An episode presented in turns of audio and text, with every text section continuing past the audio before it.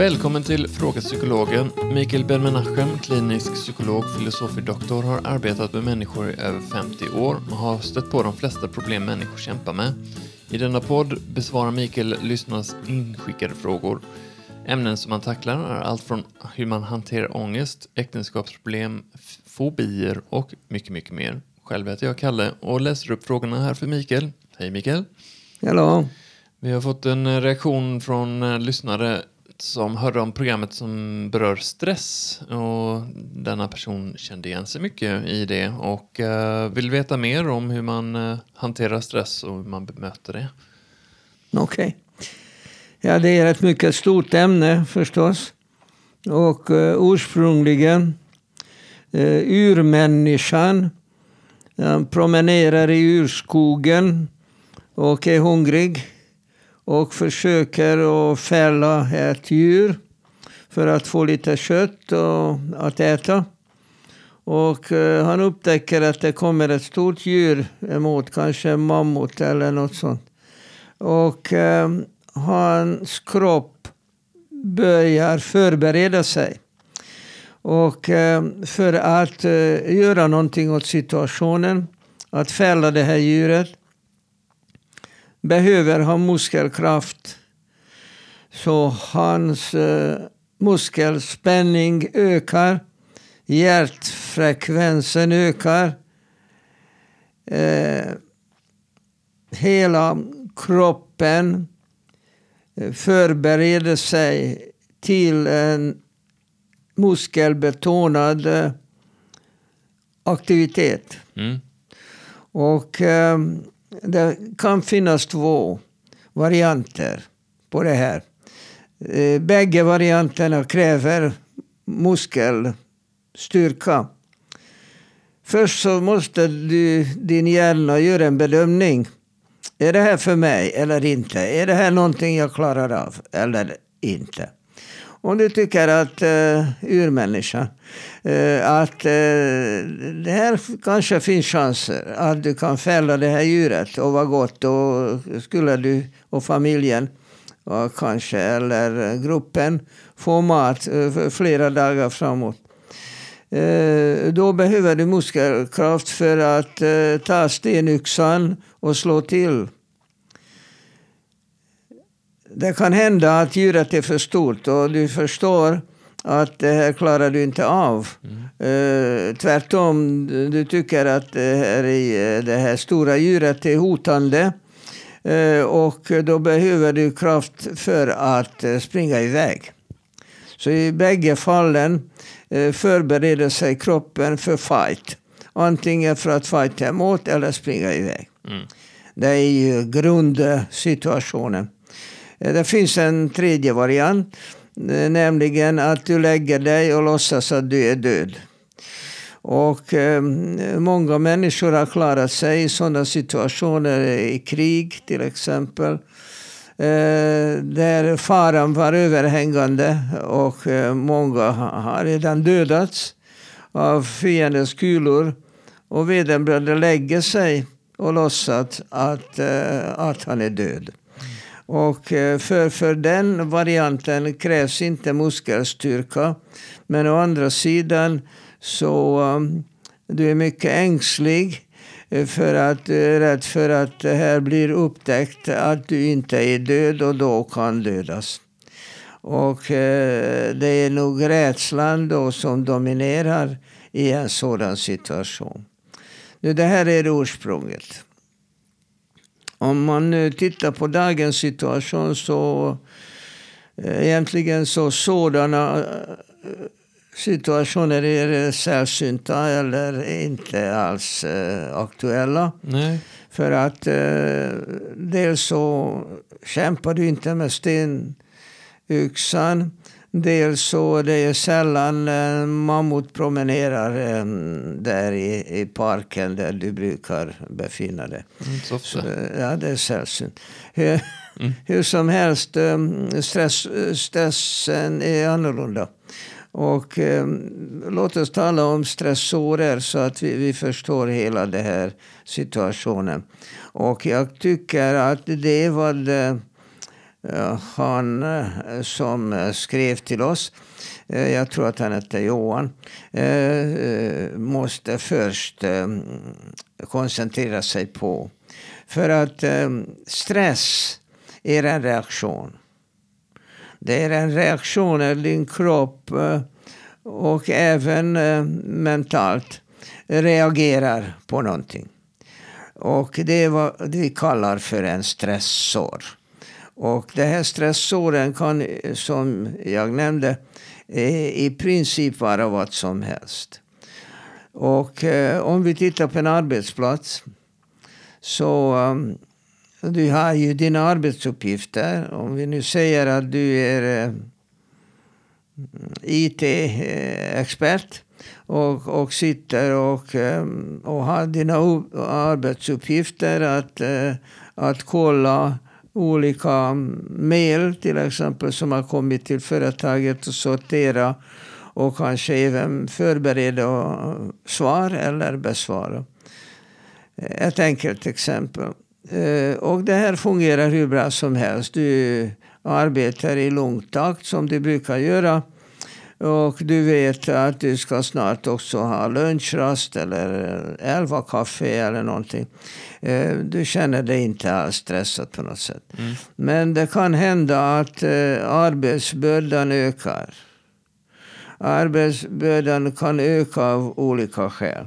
Det, det är kanske flera på jobbet är, är borta från arbetet.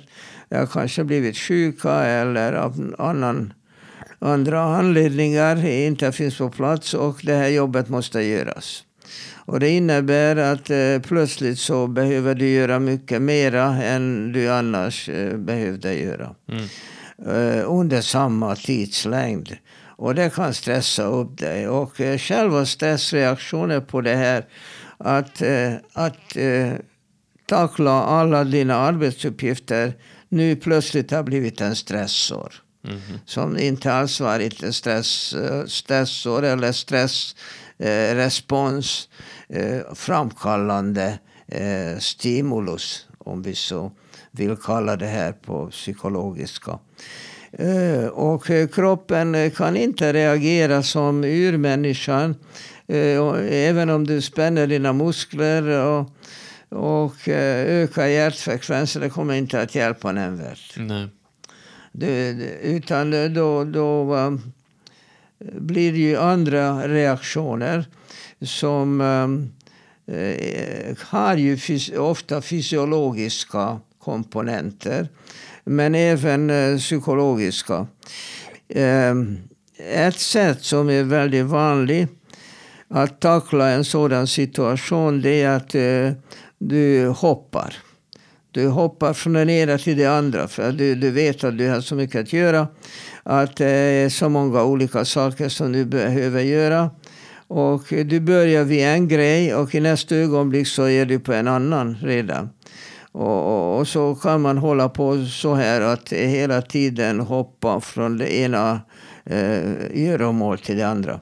Ja. Eh, väldigt många människor eh, kan eh, bli Eh, Eh, uppstressade av sig själva. Eh, utan några yttre eh, faktorer eller yttre stimula stimulationer. Utan där sitter du och har en del uppgifter och du på något sätt inte riktigt förstår att du inte klarar av allt det här och eh, låtsas att du gör det genom att du hoppar från uppgift till uppgift. Mm. Och eh, det kan ofta innebära att, eh, att du inte klarar av eh, eh, någonting ordentligt för att du är redan vid den tredje uppgiften. Det är mycket vanligt. Mm. Att du har fått in så mycket och du kan inte gå i lugn och ro. Jag, jag ger dig ett, ett roligt exempel på det om, om en elev, en student säger vi, skulle skriva prov. Och, ehm, och provet består av tio frågor. Och eh, det behöver man besvara inom en viss tidsrymd, säger vi, två timmar. Ja. Och, eh, Och du får dina frågor och du har eh, din papper och penna. Och sätter igång att besvara frågorna. Och redan den första frågan är knepig. Och du sitter och funderar och funderar. Tiden går. Mm. Och du inte kommer på någon lösning. Och du blir mer och mer uppstressad. Du förstår inte ens frågan ordentligt. Och så har du nio frågor kvar. Mm. Eh, och nu har en halvtimme gått. Och du har ändå inte, inte kommit varstans. Mm. Och man kan ju då som urmänniskan lägga sig och låtsas vara död. Mm. Och eh, det finns sådana som då helt enkelt står upp och lämnar tillbaka eh, det här Ja. provet och säger att det här klarar jag inte av. Mm. Utan att ens tittat på de andra nio frågorna. Eh, det finns eh, sådana som eh, är klokare och sorterar de här frågorna för att eh, läraren är inte mm, intresserad av i vilken ordning du besvarar frågorna. Mm. Så många liksom fastnar bara för att eh, tänka på det här eh, nummerordningen. Men det har ingen betydelse. Och eh, folk är, är så noga med det här med eh, siffror. Att jag har varit med faktiskt när jag läste psykologi. Att en av mina studentkamrater eh, skrev så här. Det var tio frågor och så skrev han så här. Svaret på fråga ett är det och det och det. Svaret på fråga två, det och det och det. Och läraren har inte ens eh, numrerat frågorna. Mhm. Utan bara ställde frågor. Eh, och det var eh, han själv, studenten, som har numrerat dem. Ja. Och så deklarerat att eh, det här nummer tre kan jag inte. Nej. Det är rätt så roligt. Eh, och tiden gick. Eh, då, att tackla det här eh, stresssituationen på ett, ett, ett vettigt sätt. Det är följande. Du läser igenom först alla tio frågor. Det tar inte så lång tid. Och så gör en liten notering. En, en, en bocka för till exempel. Ta- tar en sekund. Du läser fråga ett, det kan jag. Bocka. Fråga två, kan inte. Bocka inte. Fråga tre, bocka. Och så vidare. Det går igenom. Och sen tar du först de som du har bockat för. Om vi ser att du har bockat för sex och inte bockat för fyra. Och då börjar du besvara de sex där du kan svaret. Så eh, då har eh, du börjat skriva och skrivit färdigt de här sex svaren under en timme eller eh, en timme, 20 minuter. Då har du fortfarande 40 minuter kvar. Och, och så har du de här fyra frågorna. Du läser igenom. Du fortfarande inte kan svaret. Okej, du kommer nästa steg. Då tar du varje fråga för sig och säger så här. Jag eh, är en ordentlig människa. Jag arbetar i god ordning. Jag har redan besvarat sex frågor som jag kunde och de svaren är nog bra. Och så har jag fyra som jag inte kan. Eh, det dummaste är att deklarera att de här fyra kan jag inte. För att eh, man behöver inte kunna allting. Eh, man kan ju också använda huvudet. Om du läser en fråga där du inte automatiskt kan svaret så tänker du så här, jag kan inte svaret men låt oss tänka. Vad kan möjligen vara svaret? Eh, använda huvudet och komma fram med eh, någonting som du tror kan eventuellt eh, vara rätt. Det kanske inte är rätt. Men du i alla fall gör ett försök. Och eh, om du har till och med rangordnat de här fyra frågorna som du inte kunde. eh, Då, då kan du åstadkomma liksom en sådan rangordning att jag kan inte eh, någon av de här fyra. Men jag tror jag kan resonera om eh, den och den frågan och de andra två kan jag inte ens resonera och, om. Okej, så börja med de som det går att resonera om och hur man utan att kunna egentligen det här det går inte i matematiken. Ut. Antingen så har du ett resultat eller inte. Men, men, men jag har haft en mattelärare i, i gymnasiet. Och han brydde sig inte så mycket om resultatet faktiskt. En hel del elever liksom fastnade på det här. Men han ville bara se hur jag tänkte. hur jag försökte lösa det här eh, problemet. Mm. Och när han såg att jag resonerade vettigt, även om jag gjorde något räkning, beräkningsfel, Mm. så fick man rätt så höga betyg faktiskt. Okej, okej. För att han tyckte att det viktigaste var att eleven tänkte. Och han försökte lösa ett problem. Eh, Lärarna alltid uppskattar när man gör, eh, bevi- bevisar att man eh, försökte lösa det här. Du sätter ju fingret på någonting som tror jag är jätteviktigt eh, när man känner sig överväldigad och allting är kaotiskt. Att, eh, som du säger, skriv ner nästan på en lista och, eh, i, och rangordna saker. I, i, Och det är inte många elever som gör så. Nej, överlag tänker jag. Inte bara liksom i kanske provsammanhang, men i livet. Sådär, och man känner sig, Ja. ah, allting är bara Ja, välter över mig. Det, det finns ju många andra saker som, som är viktiga i sammanhanget. Jag har skrivit en hel bok om detta. Mm. Eh, till exempel, eh, väldigt viktigt om man ska skriva ett prov, att man är utvilad. Och även om man har pluggat sent på kvällen, det gör ingenting, men att man ändå lägger sig och, och sover så mycket som det går. Eh, och eh, kommer till eh, eh, provet i tid. Är man inte lite mer stresstålig överlag om man sköter sin sömn i livet, tänker jag? Ja. Vad är din Eh, Alltså eh, eh, överhuvudtaget, eh, som du sa nyss, eh, eh, planering är ju nyckelordet. Ja, Och planering innebär mängder med saker som man inte tänker på. Lite struktur och sådär. och sig Struktur, mot. ja. Men det är många sådana saker. Eh, Jag har sett eh, studenter som inte hade ordentlig penna med sig. eh, Eller så börjar de med de blyerts och, och, och mosar med, med det här blyertsen och inte ser läraren vad är det som de egentligen ville skriva. Eh, är- Alltså en skrivning är, är också en estetisk upplevelse för läraren. Om man ser Ser en skrivning som, som ser ju hemskt ut får sämre betyg, jag lovar det. Ehm, men sådana saker att man kommer i tid. Sen det är också viktigt var man sitter i salen, i skrivsalen. Det är, om, det, om man får välja plats eh, fritt så skulle jag inte rekommendera att sitta första raden. Inte heller att eh, sitta längst bak. Inte heller att sitta nära fönstret.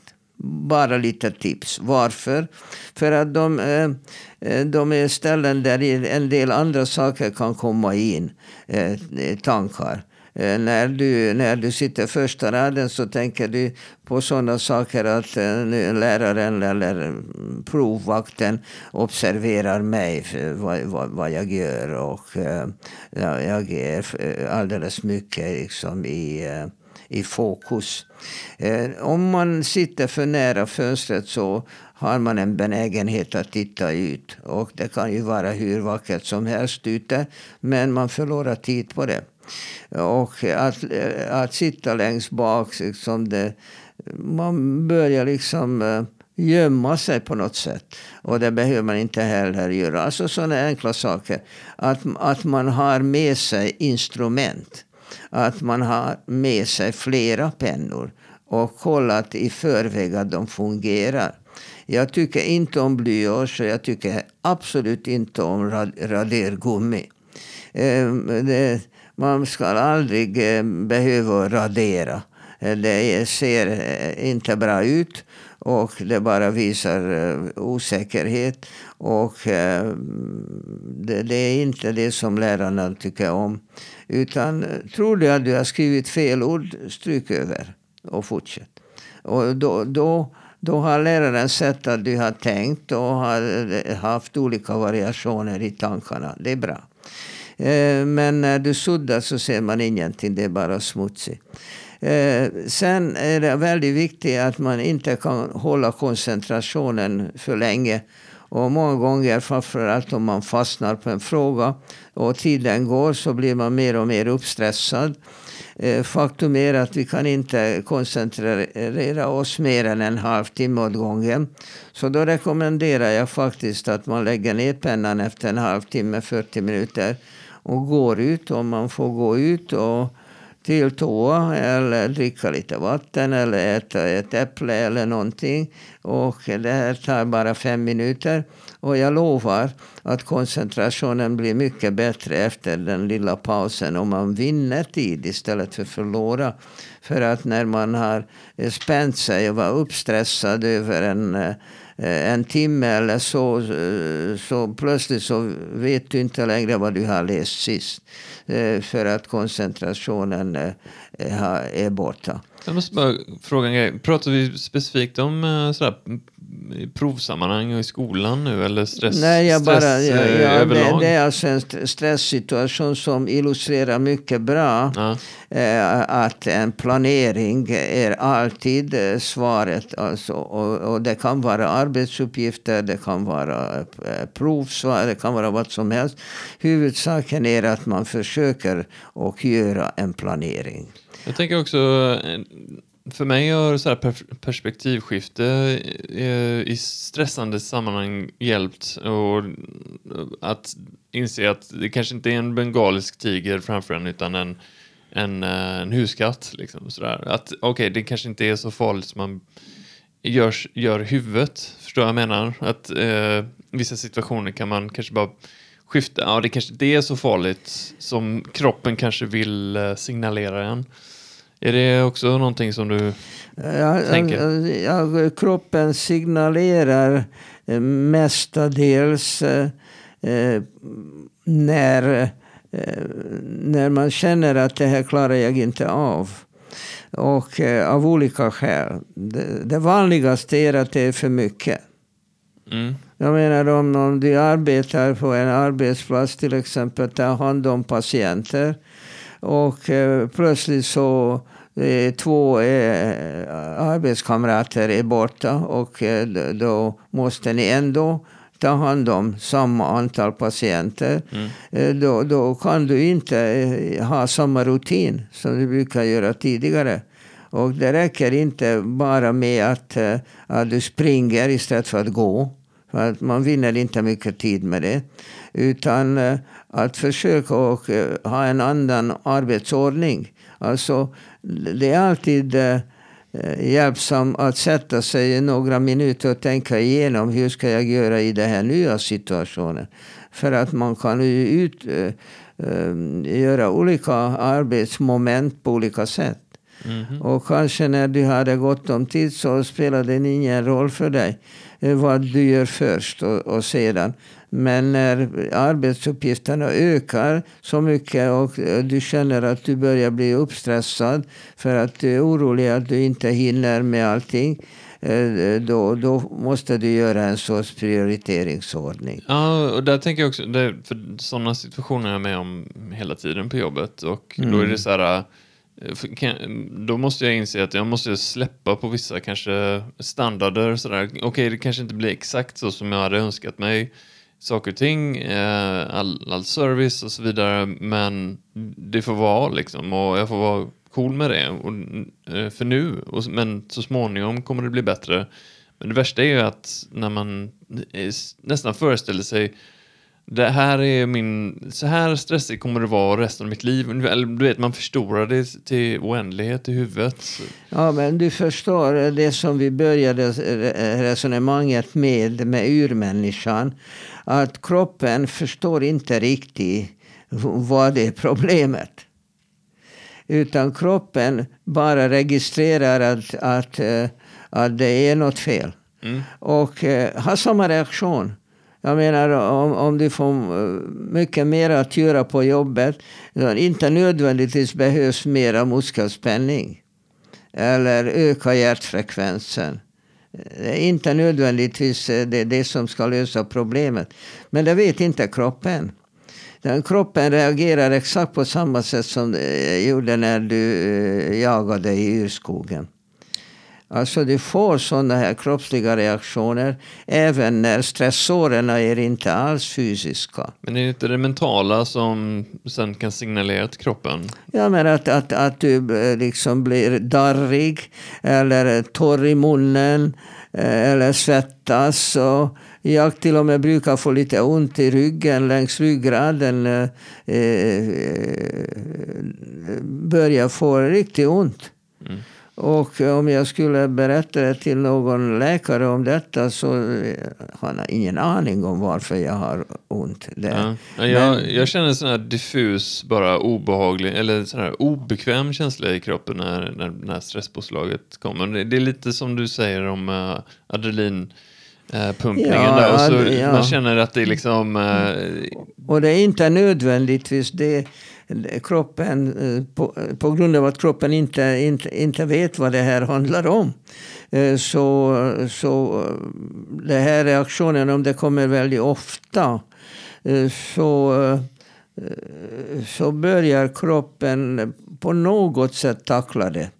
Om det börjar bli för mycket så kroppen försöker att, att komma över det här eh, genom till exempel att lägga, att lägga sig och låtsas att vara död. Eh, och det är väldigt många superstressade människor liksom bara slocknar plötsligt, bums. Och jag sa, nu orkar jag inte längre och lägger sig och somnar bums på en gång.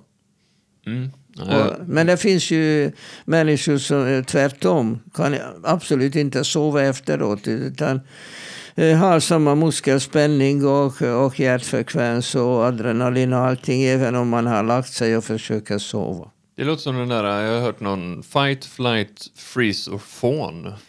Har du hört Ja, det? ja, det finns något sånt. Nej, jag, min, ja, det finns en i min närhet som när de blir stressade, eh, social, liksom, so, sociala sammanhang så freezar de. De, de bara... Men alltså, eh, Eh, jag är ju beteendeterapeut och man försöker eh, och resonera eh, kring alla situationer och försöker och, och ordna och organisera saker. Jag hade patient som sa till mig att Mikael, jag har lika många problem som tidigare men nu ser jag dem som om de är uppradade på hyllor och eh, i lugn och ro kan jag se dem allihopa och det gör mig lugnare. Ja, det låter väldigt hälsosamt. Ja.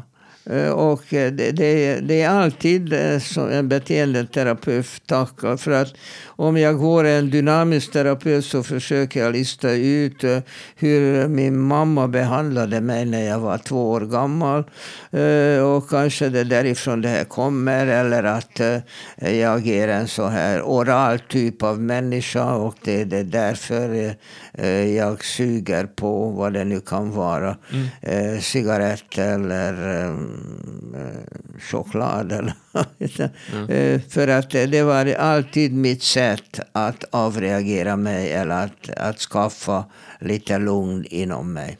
Alltså, det är, ju- där sätter du fingret på någonting jätteviktigt. Att det kommer ju, eh, man kommer aldrig inte ha motgångar i livet eh, och ha svårigheter, men det är snarare att eh, hur vi tacklar dem och hur vi bemöter dem som, som gör skillnaden i vår livskvalitet.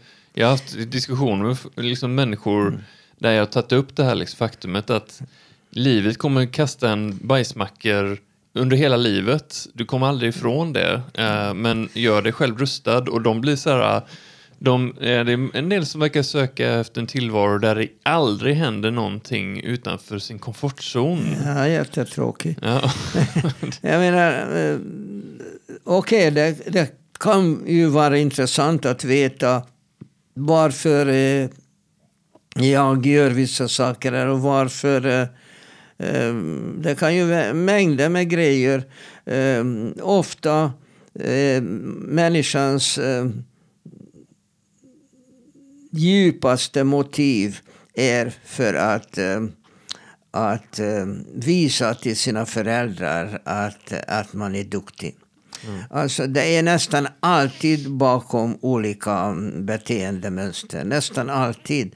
För att på något sätt föräldrar eh, visat att, att man inte duger. Eh, kanske i två, tre, fyra, fem års ålder, vad vet jag. Eh, och det räcker att, att eh, föräldern bara antyder om något det här, Kalle, det här klarar du inte av. Eh, Och det, är, det sitter så djupt hos en människa. Och en stor del av ens liv handlar om det här bevisföringen. Ja, eller att man känner sig att man inte är Och- värdig och- kärlek och sin... Det är sin många primära- gånger liksom man bara försöker bevisa och bevisa och bevisa. Och det kan ju ha mängder med olika eh, fysiologiska eh, eh, mönster som resultat. Ja, vi har ju, jag tänkte tala om eh, stamning till exempel, som är så typiskt beteendestörning. Eh, jag anser inte att det är någonting med talorgan att göra. För att eh, stammare kan eh, tala helt utan stamning i vissa situationer. Och det bevisar att det är inte talorganets fel. Däremot till exempel en superverbala föräldrar som använder en mycket stort vokabulär och pratar fort och, och med många ord så har barnet två mm, svarsmöjligheter. Antingen hänga med Eh, Även om det är my- är mycket stressigt då. Det här eh, typ av tal hos föräldrarna blir en stressor eller har alltid varit en stressor för barnet. Och då har barnet två möjligheter. Antingen försöka och imitera föräldrarna och, och stress, stressa upp sig och, och försöka prata likadant. Eller så tvärtom. Och eh, då antingen så blir man tyst eh, eller börjar stamma för att hänger inte med. Eh, Det är, det är det, det, det vanligaste reaktioner hos barnet. Men själva orsaken att jag duger inte är kvar. Och det, det är det som man måste avlägsna för att eh, det är inte lätt att, att leva ett, ett, ett helt liv med den känslan att jag duger inte. Det kan hända att föräldrarna har eh, redan lämnat det här jordelivet för många år sedan och vederbörande är 70 år gammal och har fortfarande samma beteendemönster. Fortfarande försöker bevisa sina, sina redan icke-existerande föräldrar att man duger. Ja, jag har sett det på nära håll. Min pappa jobbade väl ihjäl sig för att han skulle visa sin eh, eller sin pappa, den gubbjäveln som man kan- brukar kalla honom, att han eh, skulle lyckas. För farfar eh, snackade ner min pappa hela tiden. Du är värdelös, du kommer aldrig göra någonting, bla bla bla. Och istället eh, så eh, var, blev min pappa världens streber när det gäller sitt arbete. Så att det, och det levde kvar långt efter. Det var, Ja. Han var där i 40 år eh, och eh, långt efter var han Ja. fortfarande. Liksom. Man ska visa så att, gubben. eh, liksom. Alltså naturligtvis så kan man se stressbeteendet eh, longitudinellt, att, att se varifrån det kommer. Och eh, dynamiska terapeuter eller freudianer är väldigt duktiga på det här. Att lista ut varifrån hela det här kommer. Men därmed har man inte löst problemet. Medan beteendeterapeuter ofta är inriktade på att lösa problem. Och då kan den dynamiska terapeuten säga okej, ni har löst kanske det här stamningsproblemet men ni eh, har inte löst det bakomliggande. Men vi resonerar så att eh, har en, en människa känt på att det går att, att lösa någonting. Att det går att komma ifrån ett beteende som har plågat mig under så lång tid. Så det, det gör att aptiten ökar. Ja, Och mig. är det lättare för vederbörande att ta nästa problem. Och, eh, så det är inte nödvändigtvis en, en, enda bakomliggande orsak som, som stressar upp en människa. Utan det kan vara många. Och därför så man börjar kunna organisera lite bättre. Eh, då, då går man liksom från klarhet till klarhet. Och eh, bygger upp eh, en helt annan tanke om sig själv. Hur, hur mycket man klarar av. Och då blir man mycket mindre stressad och får mycket mindre stress eh, på de här stressåren som hela tiden dyker upp. Bra. Men eh, ja, programmet lider mot sitt slut, men det ska vi inte stressa upp oss för tycker jag, utan eh, vi kommer prata mer om stress. Det gör vi? Tycker Det jag. gör vi inte. Nej. Okej, men tack ska du ha. Tack själv, Mikael. Okej, hej då. Hej, hej.